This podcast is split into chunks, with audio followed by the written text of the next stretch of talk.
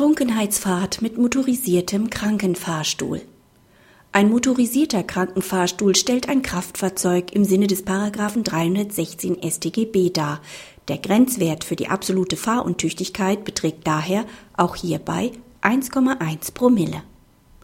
Das Landgericht hat den Beschuldigten wegen einer Trunkenheitsfahrt im Sinne des Paragraphen 316 StGB verurteilt. Der Beschuldigte hat am Straßenverkehr mit einem motorisierten Krankenfahrstuhl teilgenommen, obwohl er eine Blutalkoholkonzentration von 1,25 Promille aufwies. Die hiergegen eingelegte Revision des Angeklagten blieb ohne Erfolg. Das Oberlandesgericht weist darauf hin, dass auch ein motorisierter Krankenfahrstuhl ein Fahrzeug im Sinne des Paragraphen 316 StGB ist. Für einen motorisierten Krankenfahrstuhl gilt die Straßenverkehrsordnung lediglich mit der Besonderheit, dass auch dort, wo Fußgängerverkehr zulässig ist, zumindest mit Schrittgeschwindigkeit gefahren werden darf.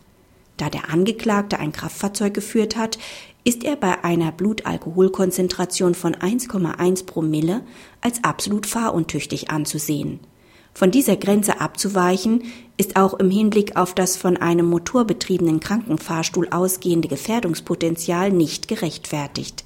Insbesondere ist dies deutlich höher als das eines Fahrrads einzustufen. Praxishinweis.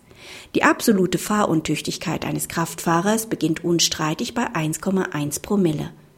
Sie gilt für alle Kfz-Arten, also auch für motorisierte Zweiradfahrzeuge einschließlich Mofas.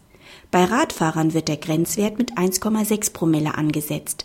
Bei Motorbootführern wird die Grenze zur absoluten Fahruntüchtigkeit zwischen 1,1 Promille und 2 Promille angenommen